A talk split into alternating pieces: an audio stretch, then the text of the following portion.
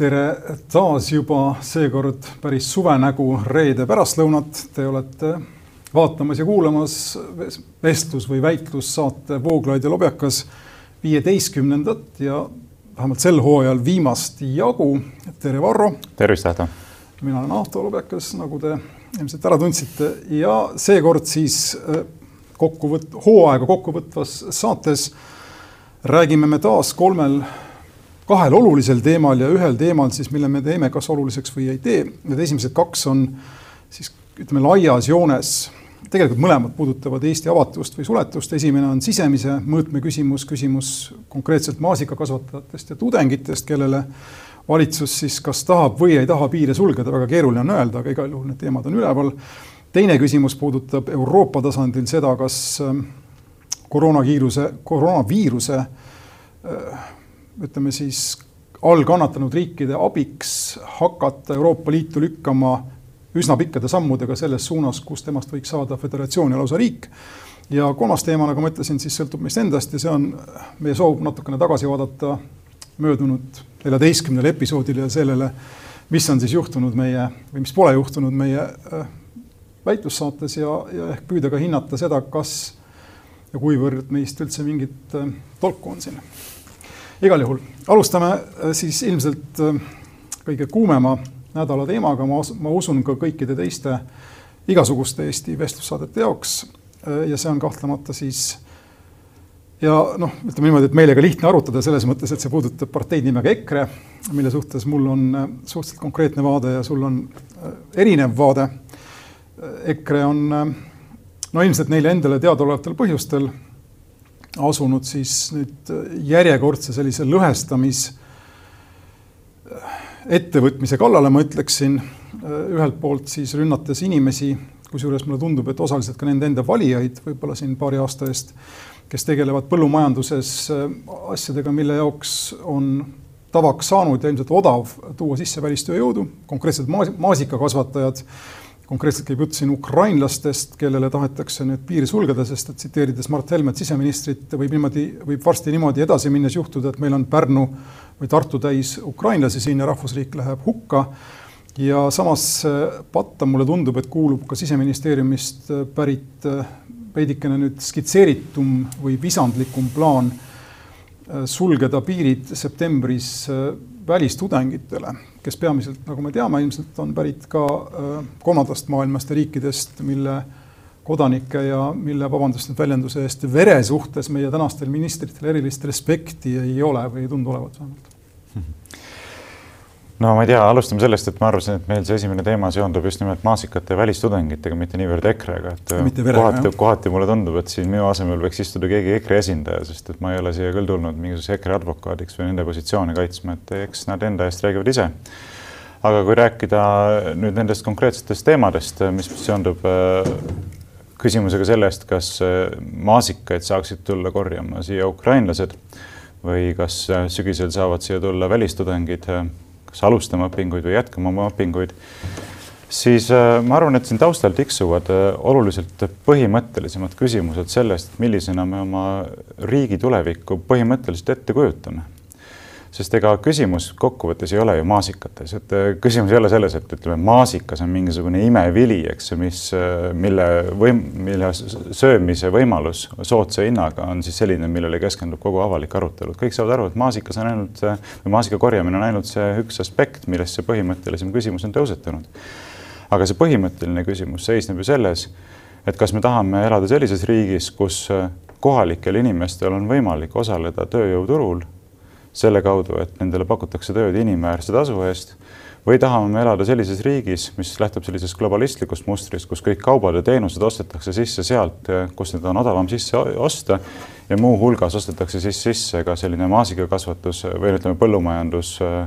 tööjõuteenus, eks, et kui on vaja maasikaid korjata, siis lihtsalt tuuakse need inimesed kuskilt kolmandast riigist sisse, kes teevad selle töö poole odavamalt ära, kui kohalikud inimesed oleksid nõus tegema. ja noh kui nüüd natukene utreerida, võib-olla isegi päris palju utreerida ja niimoodi piltlikult kujundit joonistada, siis ma kirjutasin Facebookis ka sellise ettepaneku, aga võib-olla võiks sellisel juhul juba kaaluda niisugust lahendust, et äh, võtame ühest Nordica lennukist näiteks kõik istmed välja. teeme sinna lavatsid, et meil saab mitu tasapinda teha sinna salongi. ja saadame selle siis Aafrikasse ja toome Aafrikast terve Nordica lennukitäie inimesi maasikaid korjama. Ütleme, ütleme sellisesse kaheksakümne kohalisse lennukisse, kui niimoodi panna nagu kilud karbis, saab panna ikka seal oma viissada, kuussada võib-olla isegi seitsesada inimest niimoodi Briti orjalaiva eeskujul, eks ole. kaks korda kaks on nüüd seadus. ei ole siin midagi, et oma eaka maasikas üles saada, siis tule teeme erandi. ja toome näiteks kaheksa inimest Aafrikast kohale ja jagame laiali siis maasikafarmidesse, kes korjavad selle veel poole odavamalt ära, kui ukrainlased selle üles korjaksid, eks. Ja siis pärast viib lennuk nad sinna Aafrikasse tagasi ja näed, ongi ja odav maasikas laual, kohalikel süüa, hea eksportida teistesse riikidesse või kohalikku maasikat, mis on väga odavalt üles saadud, eks ole ja ongi probleem lahendatud. no et ma ei tea, mis sa sellisest ettepanekust arvaksid, et sisuliselt on ju tegemist samasuunalise asjaga, et toome välismaa tööjõu sisse, kes teeb selle ära odavamalt kui kohalik inimene. ja ma arvan, et sa teed selle sisu nüüd äh, äärmiselt, äh, kuidas öelda nüüd, ülelihtsustatuks. siin on tegemist inimestega, kes ei ole pärit Aafrikast, vaid kes on Eestisse tulnud, ukrainlased siis, eks, legaalselt, mitte päris selgelt äh, orjadena Nad on tihti tulnud läbi Poola firmade, mis avab veel ühe mõõtme siia juurde, tegemist on meil Euroopa Liidu äh, kolleegriigiga, eks, mille ettevõtetelt, ma saan aru, siis kas renditakse tööjõudu või mis iganes ja mis seab ka Eestile Euroopa Liidu liikmesriigina omad kohustused. ühesõnaga, ma arvan, et äh, sa viid selle kõik äärmusse nüüd oma selle Aafrika näitega selles mõttes, et äh, kõik riigid, Eesti kaasa arvatud, aga ka Eestist rikkamad riigid, eks, toovad sisse tööjõudu teatud elualadele, mille osas, ja see tundub olevat mulle see läbiv reegel, nende enda äh, elanikkond, püsielanikkond siis on kaotanud huvi või puuduvad stiimulid, et, et, et, et nemad sellesse sektoraalsesse või konkreetsesse tööhõivesse läheksid. siin käib jutt tihti arenenumates riikides koristamisest, haiglaõdedest näiteks Norras ja Suurbritannias ja nii edasi. Soomes on ju ka eestlased käinud siin aastakümneid maasikaid ja midagi, mida iganes korjamas, ma ei kujuta ette, täna ehitavad näiteks, eks ma sellest ei saa päris hästi aru, kui ma mõtlema hakkan tegelikult ütleme nende eh, Helmete jutu peale, et kas siis selle mündi teine pool on põhimõtteliselt eh, repatrieerida ma ei tea, siis sundkorras või kuidagi need kaheksakümmend või viiskümmend tuhat Eesti inimest, kes on Soomes ennast püsielanikuna registreerinud, neid on kindlasti rohkem, kes teevad musta tööd, eks. ja tuua nad Eesti, tuua nad Soomest ära ja võib-olla siis sinu soovitusel lasta Soomel tuua Aafrikast sisse või mis iganes, eks, mida Soome kunagi tegema ei hakka. igal juhul, mida ma üritan öelda, on see, et tegemist on sellise kaskaadiga, kus me liigume sellises spektrumis, kus ühes servas on väga vaesed riigid, teises on ütleme siis rikkad riigid ja siis tilgub see asi ülespoole, kui nii saab öelda, eks. ja see on minu arust vältimatu protsess, Eesti on sellel redelil kusagil siin nüüd keskel me anname ära odavat tööjõudu ja võtame sisse odavat tööjõudu, aga ma ei näe, et selles oleks mingisugune olemuslik probleem. ning see jutt, et saame oma jõududega hakkama, tähendaks ka siis ju enda väljalülitamist sellest samast spektrumist või sellelt redelilt mahaastumist, eks. ja see on see huvitav küsimus, mis meist siis järgi jääks ja kas sellises autohtoonses või täiesti suletud äh, ühiskonnas äh, noh, milline, kas, kas, kas ütleme niimoodi, et inim, inimväärne elu, nagu me teda täna teame, on üldse võimalik sellises ühiskonnas ja, aga see ongi tegelikult paljuski see küsimus, et eh, kas inimväärne elu on selles ühiskonnas võimalik või mitte ja mulle tundub, et need, kes seisavad selle eest, et saaks tuua sisse võimalikult odavat võõrtööjõudu, seisavad just nimelt selle positsiooni eest, et inimväärne elu Eesti ühiskonnas ei oleks võimalik. Ja mul on tõtt-öelda üsna raske aru saada, et miks näiteks sotsid kritiseerivad valitsuse plaani mitte lubada odavat võõrtööjõudu sisse nende hooajatööde tegemiseks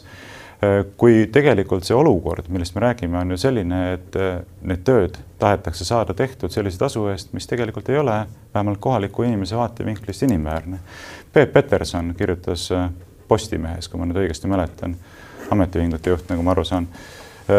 artikli, kus pealkirjas ta kasutas kujundit õiglased maasikad, et tahan, tahan saada võimalust osta õiglaseid maasikaid ja seal tõi välja need numbrid ja väga lühidalt, reljeefselt ja skemaatiliselt, et kui me räägime olukorras, kus kaksteist tundi päevas tuleb töötada seitse päeva nädalas,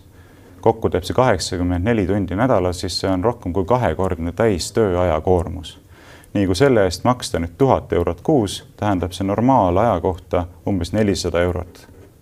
kuus, normaaltööaja kohta nelisada eurot kuus. samas palga alammäär Eestis teatavasti on viissada kaheksakümmend neli eurot kuus normaaltäisaja tööaja kohta. ehk teisisõnu, me räägime olukorrast, kus tuleks teha alla palga alammäära väga füüsiliselt rasket ja nõudlikku tööd hommikust õhtuni seitse päeva nädalas, eks. nii et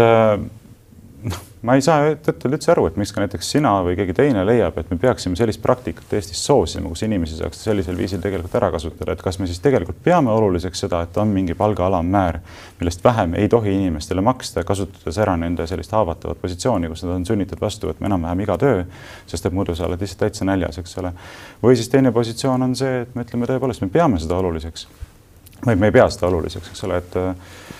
et ongi nii, et selline täielik äh, nagu metsik lääs, äh, kust aga saad odavamalt, äh, seda aga kasutada ja ongi kõik, et ma tegelikult esiteks põrgatakski selle küsimuse sulle tagasi, et miks sa tahaksid sellise positsiooni eest üldse seista. kas tõesti ainult sellepärast, et EKRE ütleb, et, et, et EKRE ütleb vastupidist?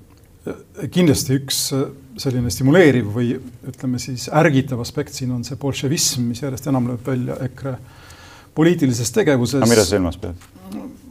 Need on need noh, meetmed, eks kolhoosi korra suunas nagu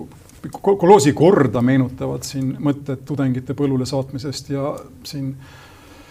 äh, ärakeelamisest ja nii edasi, sellest on teised inimesed palju paremini ja palju rohkem rääkinud, ma ei tahaks siia praegu väga sukelduda, ühesõnaga need inimesed ja sa mõtled, sa nii tugevaid sõnu kasutad, siis peaks natuke põhjendama neid. okei okay., need inimesed, kes EKRE-t täna juhivad, ma lähen, ma lähen nüüd teemast kõrvale, aga sorry, ise kutsusid põhimõtteliselt mind siia. Need inimesed, kes EKRE-t täna juhivad, miks nad on miks ma nimetan neid bolševistlikeks, mu enda väike seletus siis sellele. ma mõtlesin tagasi siin saatele, saateks valmistudes president Kersti Kaljulaidi sellele Pearu ja Andrese võrdlusele ja mõtlesin, miks see võrdlus mind ei rahulda ja miks see võrdlus tegelikult tänases Eestis tegelikult midagi eriti ei seleta. ma arvan, et ta saab valesti aru või ta saab, selle võrdlusega saadakse valesti aru sellest ütleme, põhimisest konfliktist tänases Eestis, mis ei ole üks mees teise vastu nagu Andres ja Pearu, üks naaber teise vastu, midagi väga eestlaslikku, et kui on kaks eestlast, siis on, või kaks Eesti inimest, siis on sul kolm arvamust ja nii edasi, eks. tegemist on äh, ka see, ka, ka mõtlesin peaaegu Shakespeare'is, Tammsaares endas on tegelikult see konflikt kusagil mujal, eks tegemist, tegemist on mingil tasandil linna ja maa konfliktiga. edasimineku, avanemise ja muu sarnasega ülikool ja kõik see lai maailm, eks, ja teine on siis see, mis on maal ja mis tegelikult toidab ja nii-öelda no elu juur on. mina näen seda konflikti seal ja see ei ole ju konflikt Pearu ja Andrese vahel, kes on mõlemad samal pool tegelikult põllumeestena ja nii edasi, eks, meestena see konflikt on tänases Eestis täiesti olemas, sellesama EKRE näol, kes aga minnes tagasi sinna Maa ja Tammsaare suunas või mõeldes, et ta läheb sinna, peab minema üle kolhoosi korra. Ja kelle kogu mõtete ja meetodite arsenal saab ainult pärineda tegelikult kolhoosi korrast ja see seletab ka selle muuhulgas, miks nende ase, miks nende auesimees on Arnold Rüütel, eks, kolhoosi esimees ja nii edasi, kõik see langeb ühte kohta kokku. see, see on see, miks ma nimetan neid bolševistlikeks, okei okay,, tegelikult ajalooliselt see on veidikene väär, sest et Eesti kolhoosikorra loomisel meil oli tegemist juba, või oli, oli tegemist veel kommunisti, kommunistliku bolševistliku parteiga või oli juba NLKP, ma, ma täpselt ei mäleta, aga igal juhul juured on seal, eks, see on see minu väike kõrvalaste, kui ma tohin. väga lennukad seosed muidugi bolševismi lahtiseletamiseks, aga selleks. aga ma tahan tegelikult tagasi tulla selle selle laiema või suurema teema juurde, mis puudutab nüüd neid maasikakasvatajaid ja see sinu sotsiaalse õigluse äh, mõte on äh, mulle väga meeltmööda.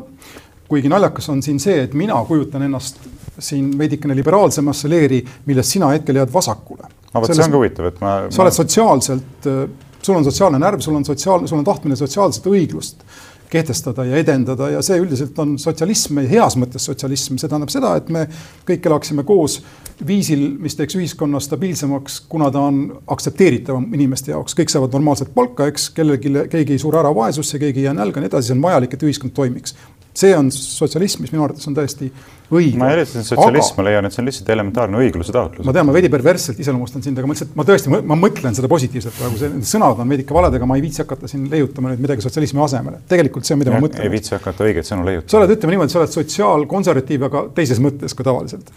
Äh, aga mina leian ennast siin liberaalina ja seda, siia ma tahtsin tegelikult jõuda. Äh, ma olen ise läinud suhteliselt noorelt Eestist ära, teinud igasuguseid asju, näiteks ma ei tea, Rootsis kunagi ma viisin tudengina tassisin ringi mingisuguseid, tassisin korrusmajade korteritesse mingisuguseid äh, kilode kaupa mingisuguseid reklaame, eks. ja see on midagi, mida Rootsis kohalikud inimesed teha ei tahtnud, tudengid tegid, mitte tingimata mitte Rootsi tudengid, aga see oli tudengile sobiv töö, seda maksustati mingisugusel oma põhimõttel, see oli suhteliselt ütleme kehv palk. ma tegin seda vist mingi pool nädalat ja siis aitas mulle anna mulle lihtsalt tipp ka, ma ei viitsi neid juurde teenida. aga iseenesest see võimalus, eriti noorematel inimestel, inimestel, kes on nõus enda elu parandama ja kusagile jõudma, eks see, see võimalus peab olema. samamoodi nagu võimalus teatud määral inimestel lahkuda väga vaestest riikidest ja min-, jõuda kusagile paremasse maailma, sest et vastasel juhul elu sureks kuidagi nagu välja maailmas, see on omaette sihuke filosoofiline teema, aga kui me paneme piirid kinni ja inimesed noh, igaüks saab hakkama enda riigis, siis midagi sellest maailmast, mida me tunneme, kaob ära. ja selles mõttes ma loen nagu ennast liberaaliks ja, ja mulle tekitab siin probleemi just selles bolševismi võtmes see soov inimestel ära keelata enda vabaduse realiseerimine, kui see ka on noh, ütleme võib-olla mitte päris Eesti keskmise palgatasandil ja nii edasi, kuigi mulle tundub, et ta on vist päris Eesti keskmise palgatasandil ja kusjuures, kui võtame veel äh, ette selle fakti, et Eesti mediaanpalk on vist kusagil kaheksasaja euro juures, eks mitte keskmine, vaid mediaanpalk, pooled inimesed saavad rohkem, pooled vähem, eks. siis need äh, ukrainlased, kes meil saavad siin, ma ei tea, kaheksasada neto, kaheksasada kätte, eks. Äh, miks nad ei võiks põhimõtteliselt vaeva näha paar kuud aastas minna tagasi Ukrainasse, tunda ennast rikaste inimestena, miks me keelame neile seda? ei no siin ongi küsimus, et selles, et küsimus ei ole ainult palgas, et küsimus on ka selles, et mida sa pead selle palga kättesaamiseks tegema, sest nagu see Peep Petersoni arvutuski siin näitas, sa pead põhimõtteliselt kahekordse täistööajaga töötama, et selline raha kätte saada. ja ma arvan, et küsimus ei ole selles, et Eesti inimesed ei ole nõus maasikaid korjama, ei ole nõus seda tööd tegema, küsimus on lihtsalt selles, et kui palju raha makstakse konkreetse töö eest. ja kui see raha, mida makstakse, on oluliselt madalam kui palga alammäär, siis on ju tegelikult täiesti selge, mis, milles seisneb see põhjus, miks inimesed ei taha seda tööd teha ja muuseas, sinu näitel osutades ma arvan, et ka see asjaolu, miks nii paljud Eesti mehed peavad Soomes tööl käima, on olulises osas seotud ka sellega, et väga paljud ukrainlased käivad Eestisse tegemas ehitustöid, eks. ma arvan, sa täpselt vastupidi praegu esitad seda, mis tegelikult on toimunud Eest,. Eestist on Soome välja liigutud, jäetud turguauk no see on, seda kindlasti saab ka niipidi vaadata, et inimesed ikka lähevad sinna, kus on äh, paremad teenimisvõimalused, eks ole. aga mida odavamalt saab äh, kohalik ettevõtja oma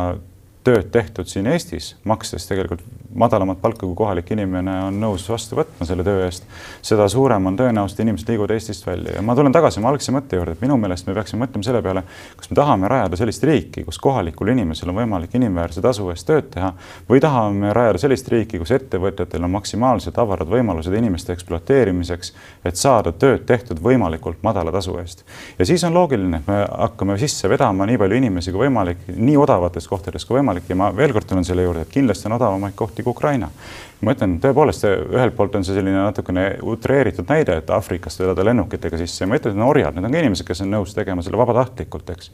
aga veel poole odavamalt kui ukrainlane, nii et põhimõtteliselt me võime seda teed minna, aga sellisel juhul me tegelikult taandume sellisest nagu põhiseaduse alusideaalist, et Eesti riigi mõte on tegelikult mitte turumajanduse olukorras tekitada võimalikult soodsad äriproduktsiooni ahelad, vaid Eesti riigi mõte on ikkagi tagada see, et Eestis saaks jääda püsima eesti keel, kultuur ja rahvus, eks ole, et siin me saame reaalselt rahvana elada selles riigis inimväärset elu, nii et äh, minu arvates see on väga oluline. Ja, ja muuseas ma, kui sa lubad, ma lisan ühe asja lihtsalt, ma tean, et tahame kohe järgmise teema juurde minna, kuna sa rääkisid ka sellest ülikoolide teemast, siis ma ei leia, et äh, üliõpilasi, välisüliõpilasi ei peaks saama, ei peaks lubama Eestisse tulla sügisel õppima, kui nad tulevad siia, ma ei tea, on kaks nädalat karantiinis on selge, et nad ei ole viiruse kandnud ja nii edasi, siis milles probleem, eks. aga selle taustal tiksub küll oluliselt suurem probleem ja nimelt see on jällegi seotud sellesama teemaga, mida me käsitlesime, õigemini sama loogikaga, mis on selle teema taga. et mida rohkem pannakse ülikoolide võime rahaliselt hakkama saada sõltuvusse välistudengite poolt makstavatest tasudest, seda kaugemale liigume me näiteks sellest ideaalist, et rahvusülikool peaks ka lähtuma põhiseaduse ideaalist tagada eesti rahvuse, keele ja kultuuri püsimine läbi aegade. et olukord, kus näiteks Tartu Ülikoolis ei ole magistri tasemel enam võimalik õppida filosoofiat eesti keeles, on minu meelest täiesti absurdne ja vastuvõetamatu. siin on nüüd väga palju teemasid kor-, korraga üheskoos ja ma lihtsalt kiirelt jooksen nendest võib-olla läbi, enne kui me äh, siin läheme järgmise teema juurde see rahvusriigi idee, mida sa oled siin algusest peale kaitsnud ja, ja mida sa ka täna teed, see on sul väga inimnäoga rahvuslus, ma arvan, et mingisugusel kaugemal analüüsil sa satud siin vastuolu otsa ja esimese vastuolu sellist heiastumist ma näengi selles maasika korjamise teemas, neid on, neid teemasid on veel, aga põhimõtteliselt siin on ju, kui sa räägid sellest, eks, et Eestis peaks sisuliselt enda jõududega hakkama saama kõikide töödega inimesi peaks olema. me räägime sellest samast, millest rääkis Mart Helme siis, kui ta ütles, et tudengid võiksid minna põllu, kes oli põllumajandusminister, vabandust. et võiksid ju minna õpilased ja tudengid põllule, minu pärast literaadid põllule teha seda higist tööd, mis on vajalik rahvuse hoidmiseks, eks. küsimus tekib nende literaatide ja tudengite vabadusest. sellises avatud piiridega maailmas, nagu me elame, nad lähevad Eestist ära, kui neid sundida. kui piirid kinni panna ja sundida, siis ei ole meil enam vabadust, eks ma näen siin nagu sellist põhimõttelist probleemi Äh, sinu selle mõttekäiguga, mis puudutab seda raha küsimust. ma muidugi mingist sundimisest absoluutselt pole rääkinud. ei, ma üritasin lihtsalt ekstrapoleerida, kuhu me jõuame niimoodi, eks, kui, kui ei taheta töötada selles valdkonnas, siis me jõuame raha küsimuseni, küsimuseni, paneme piirid kinni, ukrainlasi maasikakasvatusse ei lase, maasikakasvatus läheb ilmselt pankrotti, eks. mis juhtub Eesti riigiga, no mingisugune osa, kujutan ette, maksutulust kaob ära, aga iseenesest ma kujutan ette, et riik läheb edasi. aga see on jällegi, et anda, et, et nagu mõõtkava anda juurde Äh, ütleme, võtame nüüd Soomest toome tagasi inimesed või kuidagi jõuame Soomega kokkuleppele, see on ju selle mündi teine pool, mida selle puu teine nii-öelda või see puujuur, mida EKRE raiub tegelikult, eks paneme enda inimesed, kes on odav tööjõud Soomes, fakti ette, et nad seal enam tööd teha ei saa, tulevad Eestisse tagasi. Soomes jääb auk ehitussektorisse, eks, mis sa arvad, et Soome jätab ehitamata või Soome läheb pankrotti, ei. Soome võtab need inimesed kusagilt mujalt sisse. ehitussektor on liiga tähtis selleks, et, et ta lihtsalt lasta olemata olla nagu meil maasikakasvatus ja siin on see koht, kus me jõuame nagu tänaste reaalsusteni välja Eesti peab otsustama, mis tüüpi riik ta tahab, tahab olla, kui ta tahab olla riik avatud maailmas, kus tema inimesed saavad reisida ja raha teenida, siis tuleb lasta sisse ka teisi inimesi veel vaesematest kohtadest, kes tahavad ka raha teenida teistsugusel skaalal. ukrainlastel on kaheksasada eurot suur raha kuus. Ja ma ei näe, et me saaksime ennast siit välja võtta ilma, et see viiks meid kusagile väga suletud düstoopilisse absurdi ja aga ma olen põhimõtteliselt sinuga nõus, jah, loomulikult me peame, kui me tahame, et meie inimesed saaksid välismaal tööl käia, me peame võimaldama ka välismaalastel käia Eestis tööl. aga samal ajal me peame hoidma sellist baastaset ühiskondliku õigluse mõttes, et me ei hakka sisuliselt soosima noh, piltlikult öeldes orjatööjõu kasutamist, eks ole, et orjatööjõud on kujundina kasutatud siin, ma saan aru, et tegemist on inimestega, kes teevad seda tööd vabatahtlikult, aga tegemist on ühtlasi inimestega, kes on nõus selle töö tegema ära nii odavalt, mida kohalikud inimesed peavad juba ebainimväärseks tasuks, eks ole. ma arvan, et selles osas võiksime, võiksime nõustuda. aga oled sa minuga selles osas ka nõus, et kui me räägime ka siin inimväärsest palgast, näiteks alampalgast ja kõikidest nendest asjadest, mis meil on tegelikult muutunud suhteliselt nagu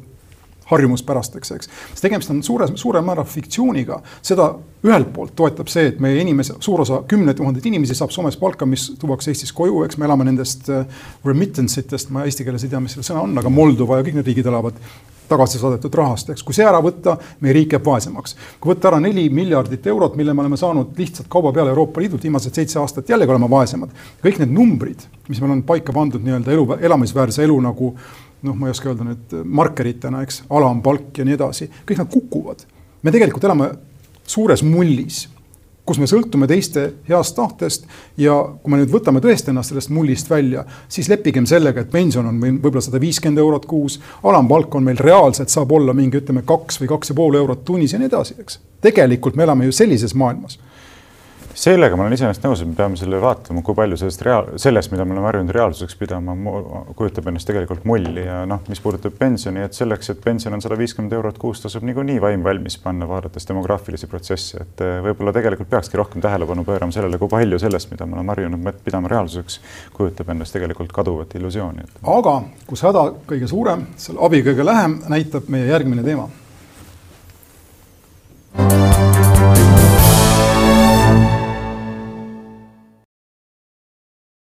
sinu sõna, sõnasabast kinni võttes, kui me räägime siin Eesti pensionite suurusest ja kõigest sellest, siis kõik see on ju köömes võrreldes kahe triljoni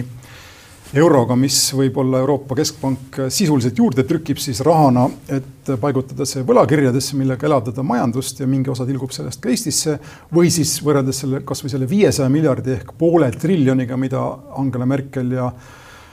ja Emmanuel Macron siin on välja pakkunud äh, sellise Euroopa, üle-euroopalise abifondina või siis nüüd kõige viimase võimalusena seitsmesaja viiekümne miljardiga võrrelduna, millest räägiti sel nädalal Euroopa Komisjonis, kui samuti siis äh, võimalikust sellisest koroona, pärast koroonakriisi majanduse restartimiseks mõeldud abifondist. siin on muidugi küsimused nüüd suuremad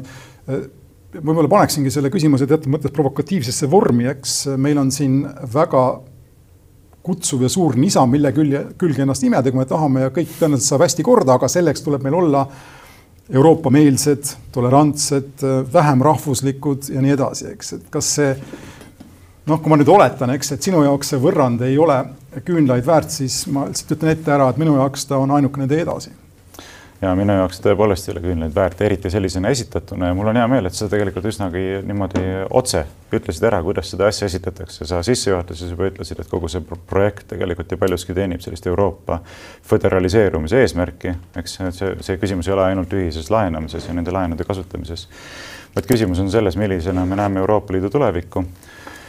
ja tegelikult oli sellest koroonakriisi algusest saadik üsna selge, minu jaoks vähemalt, et võime praktiliselt kindlalt öelda, et kogu seda asja hakatakse ära kasutama globalistlike protsesside süvendamise nimel, et kui alguses hõisati nagu selleks, et oh, globalism on saanud suure tagasilöögi nüüd, eks ole, et näete, riigid peavad ise hakkama saama ja piirid on kinni pandud ja nii edasi, et ütleme, rahvuslikud jõud nagu hõiskasid, eks, mitte tingimata globalistlikud ja liberaalsed jõud. siis minu arvates oli üsna selge, et vastupidi, see on ainult hetk ja siis me liigume, see on üks samm tagasi ja kolm sammu edasi ja, ja nüüd me seda põhimõtteliselt siin näemegi ja teine asi muidugi, mis mulle on täiesti vastukarv, on täpselt selline viis kogu seda temaatikat esitleda, nagu sa praegu kirjeldasid. et noh, me peame kõige selle vastuvõtmiseks võtma vastu ka sellise laiema ideoloogilise programmi, eks mitte ainult oma iseseisvusest lahtiütlemise näol, vaid ka kõikvõimalike moraalsete printsiipide ümbervaatamise näol, poliitilise kultuuri printsiipide ümbervaatamise näol, rahvusriigi ideaali ümbervaatamise näol ja noh, nagu juba mainitud, riikliku iseseisvuse ideaali ja demokraatia ideaali ümbervaatamise näol. ehk põhi, põhi, põhimõtteliselt andma võimu võimalikult kaugele ära globaalsetele tsentraalsetele võimuringkondadele selleks, et püsida siis olukorras, kus me saame öelda, et meil on tagatud selline elementaarne julgeolek näiteks, et see oli minu meelest ka täiesti groteskne, et nii kui see teema lauale pandi siin Kristi Raik sealt välispoliitika, välispoliitika instituudist ja paljud teised kohe panid selle sellesse võtmesse, et noh, et põhimõtteliselt ei ole just kõige paremate ettepanekutega võib-olla tegu ja siin on omad ohud ja nii edasi. aga meil ei ole mitte mingisugust muud valikut, sest kui me tahame, et Eestil ikkagi säiliks julgeolek, no siis me peame kõige sellega kaasa minema. et see on esimene asi, millega mina üleüldse põhimõtteliselt ei taha nõustuda, minu meelest sellises võtmes ei tohiks neid küsimusi üldse käsitleda, sest see on manipulatiivne. peaks vaatama sisuliselt argumentidele, mitte sellistele kuidas nüüd öelda, manipulatsiooni instrumentidena kasutatavatele kangidele, millega põhimõtteliselt veendakse avalikkust nõustuma ükskõik millise lahendusega? no minu ehitatud, meelega ehitatud õlgmeest nüüd põletades ähm, sa võib-olla läksid. no see ei ole õlgmees tegelikult. no selles mõttes ma esitasin nagunii selle kõik äh, provokatiivselt, ma päriselt niimoodi ise ei mõelnud ja ma võib-olla provotseerisin sind siis ka liigselt, eks, et aga põhimõtteliselt ma ei taha kaitsta seda õlgmeest ega sedasama esitlusviisi, millega ma siin alustasin küll aga ma tahaksin jõuda nüüd selle juurde, mis on olemuslik siin kuulates jällegi ma veidikene vabandan ette juba, ilmselt siin tuleb sisse kergelt Vilja Kiislerlikkust, aga Vilja Kiisler on nii hea ajakirjanik ja see meetod iseenesest. ma olen korduvalt rõhutanud, et ta on vaieldamatult Eesti parim ajakirjanik. täpselt, aga see, see meetod iseenesest on viljakas ja ta on ka teatud mõttes sokraatlik ja mina tahan teda vähem kasutada küsimus-vastuse äh, vormis, kuivõrd äh, lihtsalt küsimusi õhku visates enda mõtteid püüda avada, eks. hoiatan sind. kui ma sind kuulan, siis Äh, millest mina aru ei saa, jätame korraks selle julgeoleku kõrvale, sellega ma olen nõus, et kui me räägime Ameerika Ühendriikide ja Eesti erisuhtest, siis me räägime millestki nagu noh, ma ei tea, kärbest kärbes pühapäevast, eks me, see mastaabi vahe on selline, et lihtsalt me ei saa teada midagi tegelikult, mis juhtuks siis, kui meie julgeolekut tegelikult ähvardatakse ja mis on väärt kõikvõimalikud suhted või mittesuhted Ameerika Ühendriikidega, eks ma selle asetaks lihtsalt kõrvale. kui me räägime üldisemalt julgeolekust, siis mõeldakse sellele, sa mõtled ilmselt selle all mingi osalust Euroopas, eks ja nii edasi. Nagu see on juba keerulisem teema, aga võtame korraks selle teise, mündi teise poole. okei okay,, me otsustame nüüd no mingi rahvaenamusega siin, eks minu pärast rahvahääletusega, et Euroopa ei ole tee meie jaoks enam edasi maailm areneb nagu ta areneb, eks, meil on Hiina, meil on USA, meil on Venemaa, Euroopa Liit üritab siin siis ilma Ida-Euroopata kuidagi konsolideeruda. kuhu jääb Eesti? Äh, ma ütlen selle kahte asja, ta jääb üksi ja ta, ja, ja ta jääb vaeseks, eks, sest et Euroopa Liit, avatus, turud, Euroopa Liidu subsiidiumid ja kõik see, eks on meid tegelikult täna hoidnud, nagu me rääkisime siin äsja, teatavas heaolus. kui see kõik ära võtta, äh, me oleme üksi ja vaesed, siis mis on parem? parem on ilmselt see, ma lihtsalt praegu keri nende mõtted, eks parem on, nagu sa ütled, et meil on kõik oma, keel on oma, rahvas on oma, ma noh, ma ei tea, ma usun, et sa verd, verest rääkida ei taha ja ma ei tea millestki sellisest, eks. aga põhimõtteliselt need kõik omad. ma tulen ikkagi ringiga tagasi, kui meil on täna situatsioon, kus Euroopa Liidus näiteks tõlgitakse Brüsselis kahtekümmend seitsmesse keelde kõik, mis öeldakse, kõik mõttetused, mis öeldakse seal komisjonis ja parlamendis ja nii edasi. millal varem on eesti keel olnud sellises staatuses, millal varem on eesti kultuur ja keel ja nii edasi saanud nii palju tuge kui Euroopa Liidus ja nii edasi. kui see kõik ära võtta, siis jällegi, mis jääb järgi? ainult kole vaes-, kole vaesus, mida, millele siis Thomas Hobbesi tsiteerides või parafraseerides ma kardan, lisandub see, et meie kestvus on väga lühike aga mulle tundub, kas sulle endale ei tundu, et sa teed selles mõttes loogikavea võib-olla tahtlikult, eks ole, provotseerida, et meil ei ole ju tegelikult kaks alternatiivset visiooni, et üks on see, et me jookseme lihtsalt kaasa või läheme kaasa ükskõik milliste ettepanekutega Euroopa Liidu föderaliseerumiseks, mis meie ette pannakse. või teine variant on siis selline täielik nagu düstoopia nagu hopsilik, selline kõigi sõda kõikide vastu, eks. tegelikult siia vahele jääb ju väga, väga palju teisi variante. ja kui me vaatame seda praegust olukorda, siis juba praegu on ju öelnud Holland juba praegu on öelnud, et Rootsi, Taani, kes seal veel oli, ma ei mäleta täpselt, et nemad ei nõustu sellise ettepanekuga, et Euroopa Liit hakkab meie kõigi nimel ühiselt äh, võlgu võtma ja seda võlaraha siis laiali jagama, ehk meie kõik hakkame vastutama ühiselt Euroopa Liidu poolt võetud võlgade eest. see ei ole nii. ma arvan, et siin tekib veel terve rida teisi riike, kes ütlevad samamoodi, et me ei nõustu sellise asjaga. ja tegelikult on ju täiesti võimalik ka see, et Euroopa Liit kui selline lõheneb ja tekivad erinevad plokid Euroopa sees ja Eesti võib ka valida, et kas ta tahab kuuluda sellisesse nii-öelda vanasse föderaliseerunud globaliseerumisstruktuuridest läbi kasvanud Euroopa Liitu või ta tahab kuuluda näiteks mingisse Ida-Euroopa Liitu, kuhu kuuluvad äh, lisaks Balti riikidele näiteks Poola, Ungari, Horvaatia, miks mitte Austria, miks mitte seal äh, Slovakkia, Sloveenia. et noh, me ei tea täpselt, et selle, kuhu poole mingisugune riik tahab hoida, aga põhimõtteliselt ma arvan, et kohe ütleme, riiklik, väärika riikliku mõtlemise eeldusena me võiksime kõrvale heita sellise võltsdihhotoomia, et me kas, eks heidame alla või me saame hukka, eks. niimoodi, niimoodi ei saa neid asju esitada ja muuseas, mis selle teemaga haakub, kui sa lubad, ma natukene, ma ei muuda teemat, aga muudan nagu lähenemisnurka, on see, et ma vaatasin täna hommikul uuesti põhiseadusele sellesama temaatika kontekstis ja põhiseaduse paragrahv kuuskümmend viis punkt kümme ütleb, tsiteerin. riigikogu otsustab Vabariigi Valitsuse ettepanekul riigilaenude tegemise ja riigile muude varaliste kohustuste võtmise. tsitaadi lõpp, nii. ehk teisisõnu, põhiseadus paneb paika, et Eesti Vabariigile võtab varalisi kohustusi üksnes Riigikogu. ja nüüd me näeme siin väga selgelt sellist vastuolu, ühelt poolt Euroopa Liidu föderaliseerumise ambitsioonide ja teiselt poolt Eesti Vabariigi põhiseaduse vahel et seleta mulle siis lähtuvalt, kuidas see on kooskõlas Eesti Vabariigi põhiseadusega, et Riigikogu otsustab varaliste kohustuste võtmise üle Eesti Vabariigile, kui Euroopa Liit Macroni ja Merkeli ettepanekul tahab hakata võtma ühiselt laene meie kõigi nimel, eks, meie kõigi nimel, ei ole kooskõlas ja nüüd me peamegi ütlema, et kumb ideaal siis meie jaoks oluline tegelikult on, kas see, et meil on riiklik iseseisvus ja me otsustame ise oma riiklike kohustuste üle, varaliste kohustuste võtmise üle, või me delegeerime selle ära ja ütleme, et tegelikult põhiseadus on muutunud selliseks sõnakõlksuks. selle viimase küsimuse vastuseks ma ütlen sulle midagi, mis sulle ei meeldi, aga ma arvan, et koer on sinna maetud. ma olen sellega harjunud see on, see on päris hea comeback sul. igal juhul, mida ma tahan öelda, on see, et äh, kui me räägime siin varaliste kohustuste võt-, kohustuste võtmisest, siis äh, me elame, me unustame tihti selle, ma ei ole, ma ei ole kedagi näinud, kes on tänases kontekstis äh, nii-öelda meenutanud seda fakti, et me ei, me elame riigis, mis on täiesti sõltumatu, kus nagu ma olen sinuga nõus, meil on põhiseadus, kus on väga palju asju, mis äh, mis nagu sätestavad selle, mis on võimalik ja mis ei ole, aga me elame riigis, mil, mis ei trüki iseenda raha. me oleme eurotsooni liikmed, Euroopa Keskpank Frankfurdis on meie raha trükkija, meie rahapoliitika tegija, rahapoliitika oleme käest ära andnud. kui me, kui, kui, kui, kui sa sellest alustad ja siit hakkad seda mõtet kerima, eks, siis ma arvan, et sul oleks tõsisem argument, aga selleks, et siit alustada seda mõtet kerida, sa peaksid hakkama ikkagi tagasi minema selle juurde, et Eesti tuleks Euroopa Liidust välja tuua, järelikult põhimõtteliselt nende Euroopa Liiduga ütleme Euroopa Liidu sees sõlmitud lepingute kehtivus lõpetada, eks. kõik muu on põhimõtteliselt sekundaarne, tertsiaarne ja minu pärast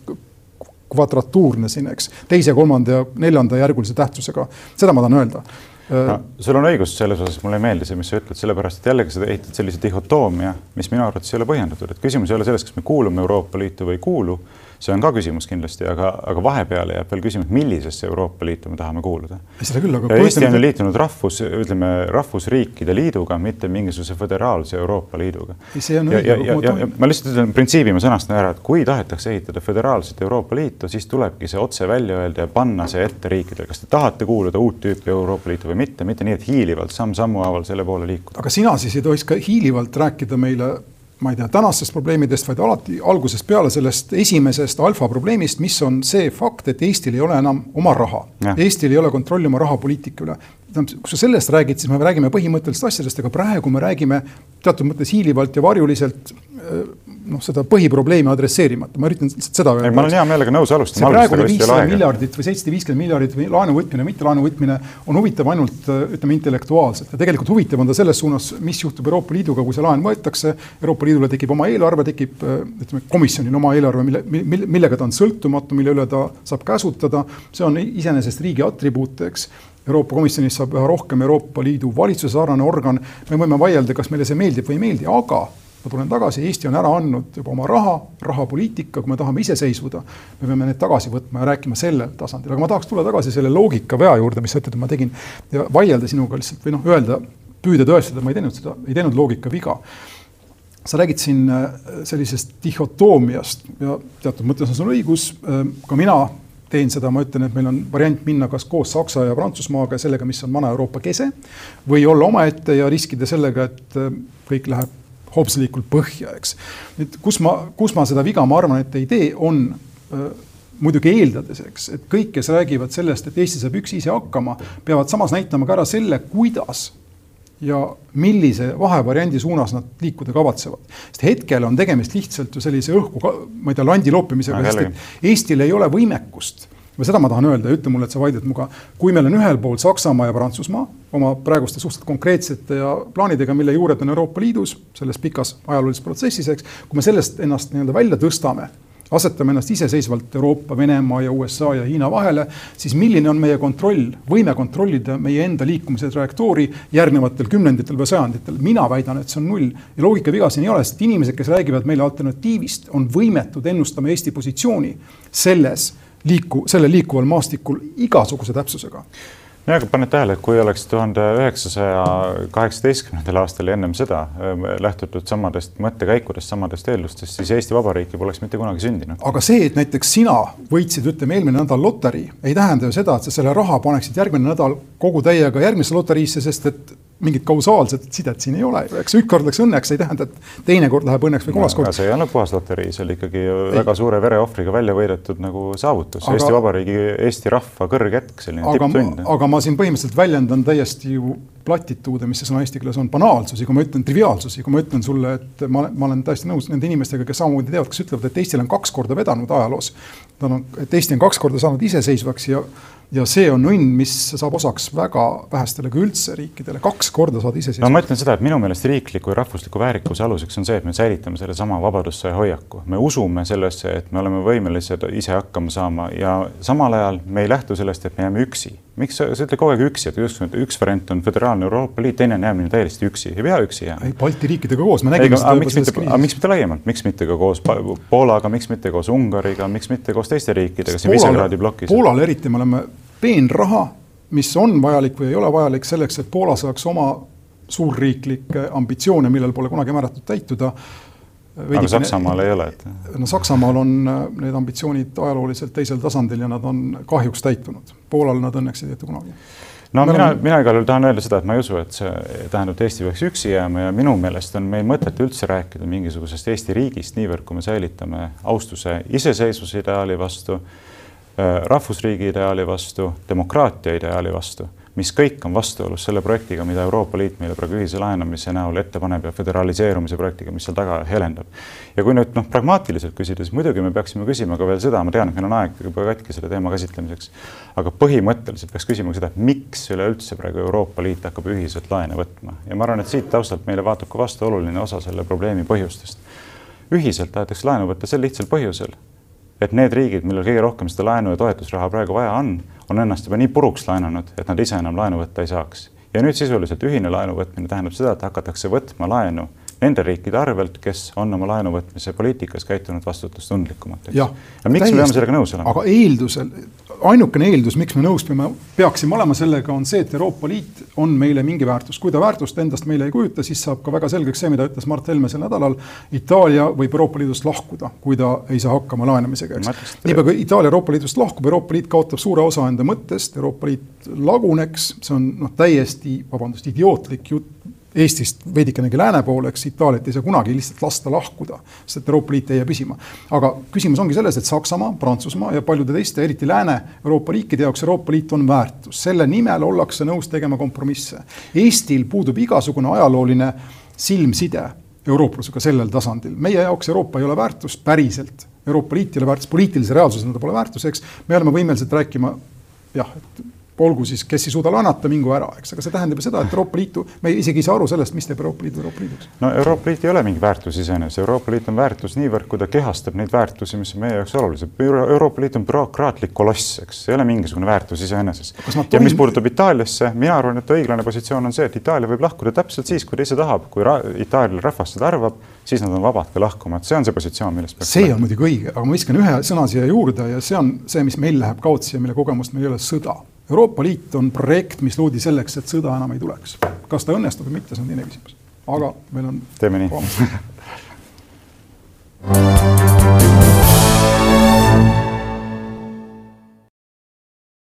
teema, milleks meil on suhteliselt vähe aega, on äh, eksistentsiaalne, ilus Euroopa sõna. see on küsimus sellest siis, kas me üldse midagi seni teinud oleme selle viieteistkümne saatega ja kui, siis mida. Ja noh, mina olen suhteliselt pessimistlik, mitte päris küüniline, aga pessimistlik, mulle tundub, et Eesti on olukorras, kus see konflikt, konflikt on meil ühiskonnas olemas, on äh, kahemõõtmeliseks taandunud viisil äh, kustale kolmandat mõõdet, mida me ürit-, oleme üritanud teha minu arvates, enam anda ei õnnestu. on kaks varianti, on laupkokkupõrge või on kokkupõrke vältimine sellest konfliktist ennast täiesti välja astudes. on, ma ei tea, liberaalid ja konservatiivid, äärmuskonservatiivid ja siis on inimesed, kes sellest midagi teada ei taha, aga kes ühtlasi selle mitte teada tahtmisega eemaldavad ennast ka poliitilisest võitlusest ja teevad ennast noh, mitte, mitte oluliseks ühiskonnas, eks. meie nii palju, kui mina aru saan, oleme üritanud luua seda kolmandat mõõdet, aga mul on tunne, et meie ühiskond ei suuda enam väga mõõta välja seda maad, et sellel mingit tähtsust oleks. No eks natuke niimoodi on, muidugi tõsi on ka see, et meie saade langes sellisele ajale, mis lõi kõik kaardid sassi, eks, et see ei olnud selline normaalne avaliku arutelu periood, kus ütleme, avalik arutelu toimuks normaalsetes tingimustes, vaid nagu kõik keskendusid sellele kriisile, mis oli ikkagi ennekuulmatu ja enne näht-, ennenägematu meie ühiskonnas ja Euroopas laiemalt, nii et selles mõttes võib-olla seda peab ka arvesse võtma sellele kogemusele praegu hinnangut andes, aga aga mina iseenesest olen näinud seda sellise väärtusliku kogemusena, et ma tegelikult olen äh, tahtnud tänada Postimeest selle võimaluse eest sellist saadet teha. Äh, olen tahtnud muidugi tänada ka sind, et sa ka nõustusid selles asjas osalema ja ka saatemeeskonda, kes on meiega seda asja siin kaasa teinud, sellepärast et mulle tundub, et äh, põhimõtteliselt see võiks näidata teed õige lähenemise poole avalikust arutelust rääkides. et mitte ei ole nii, et liberaalid istuvad oma kaevikus ja tulistavad sealt nendelt positsioonidelt, mis neil on õnnestunud enda kätte saada. konservatiivid istuvad oma kaevikutes ja tulistavad oma, tõsi, märgatavalt äh, tagasihoidlikumalt positsioonidelt vastu aga tegelikult sellist näost näkku suhtlust nagu eriti ei olegi, et ma olen ka pidanud tõrjuma mingisugust kriitikat, et aa, mida sa selle lobjakaga seal üldse lähed rääkima ja nii edasi, aga ma ütlen täitsa siiralt, et ma pean seda väga oluliseks. Et teha enda poolt ka mingisugune pingutus selleks, et me istuksime ühe laua taha, vaataksime näost näkku ja üritaksime ka vaadata sellele, mitte ainult, mis on meie nagu erimeelsused, vaid milline on reaalselt see ühisosa, millele me saame ehitada mingisuguse ühise tuleviku, sest fakt on see, et me elame ühes riigis, mis on mõlemale meile koduks ja ma arvan, et see ühisosa on tegelikult palju suurem, kui me endale sageli ette kujutame. on ka mingisugune seltskond inimesi, mingisugused huvigrupid ühiskonnas, kelle huvides on see, et oleks maksimaalne konflikt et tekiks selline olukord, et äh, selline uskumus, selline nägemus võimalikult laialt levinuna, et meil on põhimõtteliselt kodusõda ja enam rääkida mitte midagi ei olegi, et siin on lihtsalt nüüd on vaadata, et kes all, kes peal, eks. Aga mina ei tahaks sellisel visioonil lasta laiemalt levida ja ma kindlasti tahaks omalt poolt panustada selle visiooni levimisse, nii et äh, selles võtmes ma olen näinud seda küll väärtusliku kogemusena. ma tahaks oma viimaseid sõnu alustada nüüd juba kombekohaselt sinuga mittenõustumisega, aga see on selline pisikene osa, millega ma sinuga ei nõustu ja see on see, et me peaksime kuidagi midagi koos ehitama. siin on jälle võib-olla sellise konservatiivi ja liberaali äh, vahe, mina tahaksin, et sina teeksid seda, mida sina teed, mina teen seda, mida mina teen ja poliitika ja kõik muu on noh, kusagil mujal, eks kõik, kogu elu ei ole politiseeritud, iga valik ei ole poliitiline ja nii edasi. ja selleks on vaja mingit stabiilsust ja see on ka põhjus, miks mina olen sinuga siin saates ja, ja kui sa räägid kogemusest, siis loomulikult see kogemus on mulle olnud tegelikult noh, tänu Hardo Pajulale, eks see kogemus on meil varem olnud ja see kogemus on olnud ääretult tervitatav. see on ka teatud mõttes minu usku taastanud Eesti ühiskonda niivõrd-kuivõrd ja selle eest sulle suur tänu inimesena, kes sa oled. aga kus mina näen selle saate nagu kõige olulisemat võib-olla sellist ühiskondlikku funkt-, ühiskondlikku funktsiooni ei ole mitte tingimata selles, me peaksime nõustuma või mis iganes, see on selles rääkimises. Ja see mm. rääkimine, see aspekt meenutab mulle äh, Briti parlamendis näidatakse kõikidele, kes alamkotta lähevad, jooni, mis on tõmmatud siis kahe vastastikku seisva sellise pingilama vahele niimoodi kaks joont, eks, ja need jooned öeldakse kõigile, kes siis teada tahavad, on, on, on põhimõtteliselt nii kaugele, kui inimene sai tulla, et mõõgaga ei ulataks puudutama teist poolt, eks mm. -hmm. ja iseenesest noh, ta kõlab naljakana, aga, aga selle praktikaga harjumine kunagi aastasada tagasi viis meid, viis Suurbritannia sinna, kus nad täna on. see on osa sellest mm, -hmm. meie sellest versusest, eks see versus on need jooned minu jaoks, mitte konflikt,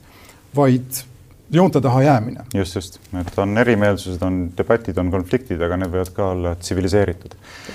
ja ma iseenesest loodan, et see saade on andnud kas või väikese panuse selleks, et Eesti ajakirjandusmaastikul julgetakse edaspidigi selliste formaatidega jätkata, kas selle saate formaadis või mingi teise saate formaadis, kus on reaalsed erimeelsused ja neid julgetakse tsiviliseeritult omavahel arutada ja ma tean, et meil on aeg täis, aga ma vaatasin oma esimese saate märkmeid ja ma olin sinna kirjutanud välja ühe tsitaadi, mis ma arvan, väärib siin praegu uuesti ettelugemist ma jätan selle nuputamiseks kõigile, kellelt see tsitaat võiks pärineda, aga tsitaat ise kõlab nii.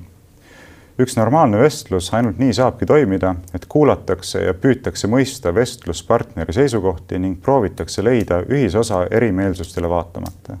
just ühisosa otsimine ja selle kaudu ühiskonna sidususe hoidmine peaks olema üks Postimehe kesksetest rollidest see ei tähenda tingimata kõigis küsimustes ühisele seisukohale jõudmist, ka eriarvamusele jäädes on meil kõigil vaja toimiva ühiskonnana edasi minna ning selleks on elav ja vastastikku austav vestlus parim võimalik viis. tsitaadi lõpp. no kelle, kelle tsitaat see on, ma pean küsima kohe ma tahtsin seda küll mõistatuseks jätta, aga see pärineb Margus Linnamäelt, Postimehe omanikult.